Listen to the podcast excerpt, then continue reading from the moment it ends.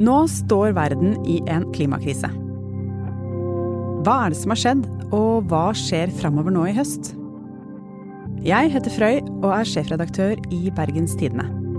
Og jeg har klima på hjernen. Før FNs klimatoppmøte i november har jeg mange spørsmål. Og kanskje lurer du på det samme som meg. I denne serien snakker jeg med folk som kan gjøre oss alle klokere. Hva skjer egentlig på et klimatoppmøte? Er det annerledes nå enn den gangen ingen brydde seg om klima? Og hva kan komme ut av forhandlingene? Atle Andersson er klimajournalist i Bergens Tidende. Han har dekket klima i to tiår og vunnet priser for eh, klimajournalistikken. Han har vært på fem klimatoppmøter, og i dag så er han her. Takk for det. Du var jo på toppmøte i Paris da den berømte Parisavtalen blei skrevet under. Hvordan var det der?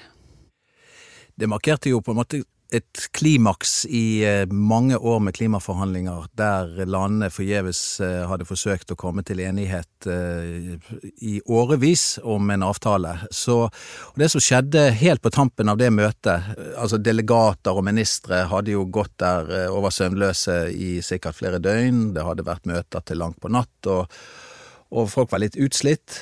Og journalister hadde øh, jobbet, og aksjonister hadde vært til stede og fulgt dette tett i, i dagevis. Men så begynte det å løsne på slutten av øh, sist Ja, vi var vel ett eller to døgn på overtid. Så ble man enige om en sluttekst. Og da brøt jo jubelen løs i, blant ministre, og de kastet seg om halsen på hverandre. og i eh, den store pressesalen så var så nøkterne journalister også ble grepet av euforien og kastet seg om halsen på hverandre. Og det var en eh, Skulle tro man var på en fotballkamp eller ja. Og fikk se favorittlaget sitt vinne cupfinalen eller noe sånt. Altså. L'accord de Paris pour le climat est accepté.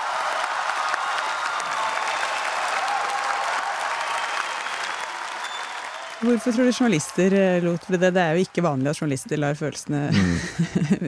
løpe av sted på den måten.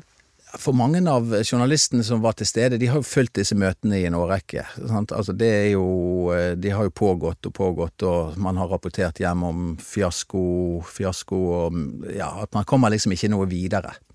Så det at man faktisk kom i mål med noe denne gang, det var vel en slags sånn Det kulminerte i en eh, i sånn jubelrop og glede fordi at man hadde kanskje opplevd så mange nedturer gjennom mange år.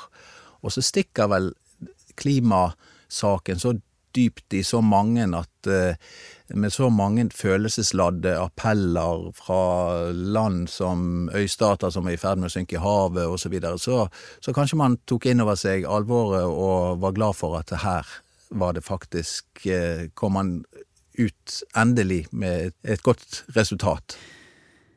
Men hva skjer egentlig på et eh, klimatoppmøte før man kommer til det definerende sluttøyeblikket? Jeg Kanskje først skal si litt om hva et klimatoppmøte er for noe. Hver høst så samles eh, over 190 land til eh, møter. Hensikten er å sikre fremdrift i kampen mot de menneskeskapte klimaendringene, for å si det eh, veldig enkelt. Det er jo et forhandlingsspill eh, i stor grad. Det er konfliktlinjer både mellom rike og fattige land, mellom nasjoner som har eh, ulike interesser å ivareta. Så det er veldig mye på spill. Det er knallharde forhandlinger, det er som pågår hele døgnet. Det er gråt og tenners gnissel når det nærmer seg slutten. Det kan være drama på overtid. Som regel skal jo disse møtene tar slutt etter tolv dager, men de strekker seg som regel langt ut i påfølgende helgen og vel så det. Og det ender eh, veldig ofte med dramatiske scener mot slutten av uh, disse møtene. Faktisk det har skjedd også at FN-sjef i ett tilfelle da rett og slett brøt sammen i gråt. Så her, disse møtene de har alle ingredienser av storpolitikk og menneskelig drama. Og i tillegg så skal man jo inngå forpliktelser landene imellom, og samtidig skal de ulike nasjonene presentere sine nasjonale mål for uh, verden. Hver eneste gang så er det jo mye drama og mye forhandlingsspill helt til eh, langt inn i tolvte time og vel så det. Mm. Men årlig, sier du, så møtes de. Men hva er spesielt da med dette møtet nå til høsten? Møtet i høst eh, blir av mange regnet som det viktigste siden eh, klimatoppmøtet i Paris. Det skyldes flere ting. Blant annet så skal alle landene eh, ha forpliktet seg til å presentere sine si, nasjonale målsettinger, som er såkalt frivillige, men der alle land faktisk skal levere. Og litt av problemet har vært at det er en god del store utslippsnasjoner som så langt ikke har levert det. Så er det det som er det viktigste eh, på de møtene? Den der forpliktelsen som hvert enkelt land kommer med? Ja, det er jo eh, summen av de ulike lands forpliktelser som på en måte eh, gir det endelige resultatet for internasjonal klimapolitikk.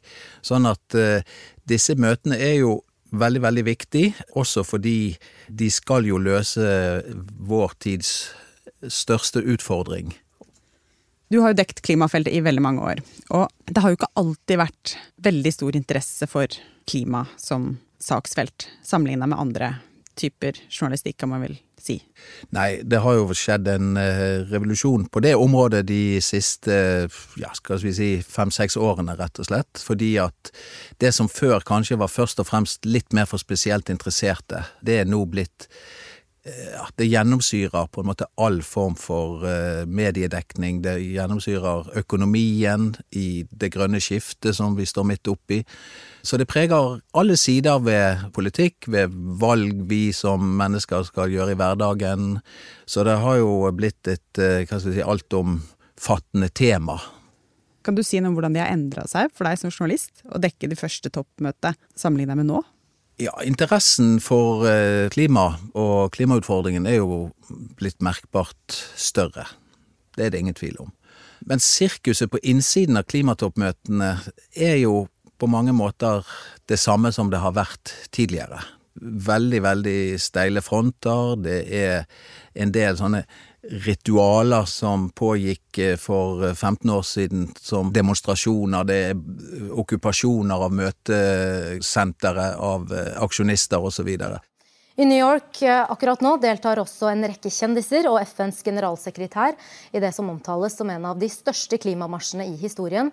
Også i Oslo har det vært demonstrasjon i dag. Handling nå! Flere tomme ord! Handling nå! Men en av de personene som har klart å få en del oppmerksomhet på klimatoppmøtet før, det er jo Kurt Oddekalv. Den mest kjente miljøaktivisten fra vårt eh, område. Og det var på Bali, jeg forstått, at han klarte også å skaffe en del oppmerksomhet rundt sine egne saker? Ja, Kurt Oddekalv eh, var jo en miljøaktivist som eh, hadde veldig stor eh, sans for hva skal vi si, stunts eh, av ulik karakter, og uansett hvor han befant seg, var jo en av de miljøaktivistene som gjorde seg bemerket også når internasjonal presse var til stede.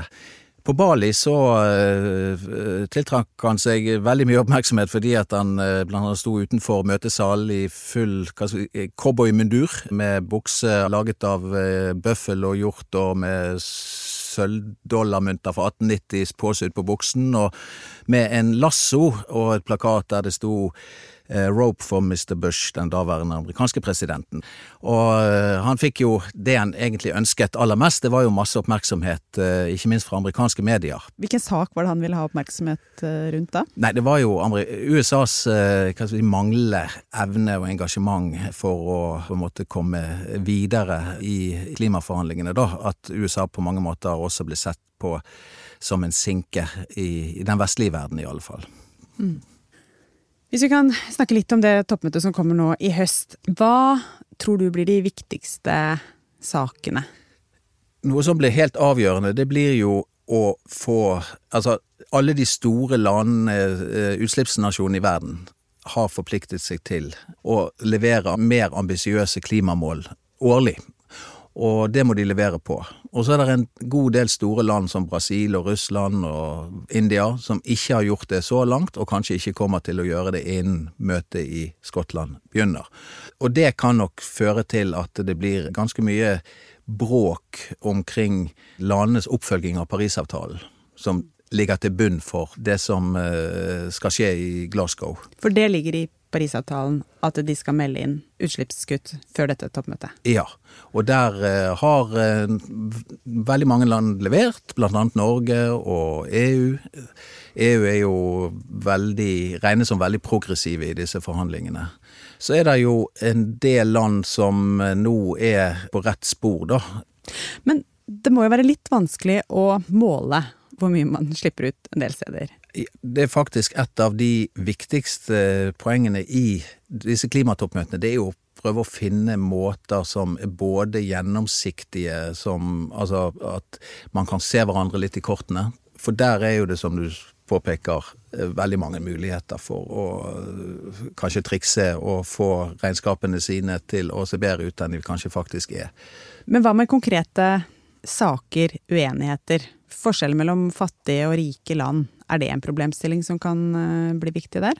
Absolutt. Det er, og det har vært en gjenganger i disse klimaforhandlingene i årtier, det er byrdefordeling mellom rike og fattige land. Der har eh, fattige land, eh, mange vil si med rette, krevd at de rikeste landene må ta en større del av byrden med klimakutt enn de fattige landene, som har andre interesser å ivareta på vegne av sine innbyggere. Der har jo Kina og India lenge stått på den linjen, eh, og seinere også en del andre eh, større utviklingsland. Så akkurat det med finansiering og hvordan eh, dette skal ordnes mellom de forskjellige landene, det, kjempe, det blir kjempestor utfordring å løse på, på dette møtet. Men jeg har fått med at kull er et av de store temaene som er planlagt eh, på dette toppmøtet. Og kull høres jo veldig altså 1980 ut. Er, er virkelig kull en så viktig sak fortsatt? Ja, for eh, en del store nasjoner, så, eh, som Kina eksempel, og India, så er jo kull fortsatt en svært viktig energikilde. Men Kull er jo på en måte en, i solnedgangen som energikilde, og noe av det som klimaforhandlingene i Skottland skal munne ut i, det er jo å få et skikkelig regelverk for klimakvoter, som er et ganske komplisert tema i seg sjøl. Men hvis man på en måte priser utslipp fra kullkraftverk så høyt at det ikke blir lønnsomt, så vil jo kanskje markedet sjøl etter hvert bare fase ut eh, hele den energiformen. Det ligger langt frem, men likevel. Kull er viktig i dag, men eh, er på vei ut. Men det å være på å dekke et sånt eh, toppmøte, som du sier nå, er det jo ganske stor interesse, men tidligere så har jo kanskje lesernes interesse vært litt laber, og det er vel ikke hver gang at gjennomslagene har vært så store. Har du noen gang kjent på en følelse av at det kan være litt meningsløst å være på disse møtene? Ja, noen ganger så har jo det blitt hypet veldig opp på forhånd. Det var eh, København i 2009 var et sånt møte som det skulle bli det store vendepunktet i internasjonalt klimapolitikk. Det ble det ikke. Det ble en gedigent mageplask, eh, altså en fullkommen fiasko på mange måter. Men eh, det er klart at det har jo falt til jorden, disse møtene, ganske mange ganger. Så sånn sett var det som skjedde i Paris i 2015, det var jo et definerende øyeblikk på mange måter. Og da eh, har man jo etablert et mål som er blitt ganske godt kjent også blant folk. Det er noe som alle kan forholde seg til. Det målet er mulig å forstå? Ja. ja. Og, det, og når man da får en rapport som man fikk nå fra FNs klimapanel, som sier at vi er på vei til å uh, nå det målet allerede 20, tidlig på 2030-tallet, og at vi er på god vei over, langt inn mot tre grader og kanskje mer enn det, så tror jeg mange uh, hva skal vi si, vanlige mennesker tenker at ja, dette er faktisk noe vi eh, står eh, oppe i ganske, i ganske nær fremtid. Men hva tror du kan komme ut av møtet i Skottland? Jeg håper og tror på vegne av eh, hva skal vi si, alle at eh, man eh, kommer ut på sett og vis litt på samme måte som fra Paris. At man kommer ut med en sånn, sånn felles forståelse av at det er mulig å, å nå klimamålene fra Paris. Det er stor forskjell på å nå 1,5 og 2 grader, men alternativet med 3 grader er jo ifølge klimaforskerne ikke verdt å tenke på engang, for det kan få katastrofale følger for, eh, for eh, ja, rett og slett hele kloden vår og livsgrunnlaget for, eh, for mange mennesker. At alle land ut ifra sine forutsetninger klarer å si at dette tar vi på det største alvor, og at vi eh, forplikter oss til å begrense våre egne utslipp og legge opp politikken deretter. Gitt eh, oppmerksomheten rundt eh, den eh, siste rapporten fra FNs klimapanel, tror du det er, dette blir annerledes, dette møtet? Jeg tror det vil prege møtet veldig sterkt, fordi at disse klimarapportene de kommer jo bare hvert sjette år. Og nå fikk vi jo en sånn rapport før København, og vi fikk før Paris, og nå får vi denne før Skottland. Og skal vi tro mange av eh, politikerne, og ikke minst FNs generalsekretær sjøl, så eh, er jo vi på kode rød allerede. Og det er hva skal vi si, maktpåliggende å komme ut med gode resultater fra dette møtet. Så eh, jeg tror at eh, timingen for rapporten det vil gjøre at uh, det hviler et større press på landene om å levere et godt resultat fra møtet. Men det høres jo utrolig vanskelig ut å få til dette, når det er sånn nær sagt alle verdens land skal, skal samles for å komme til enighet. Er det mulig?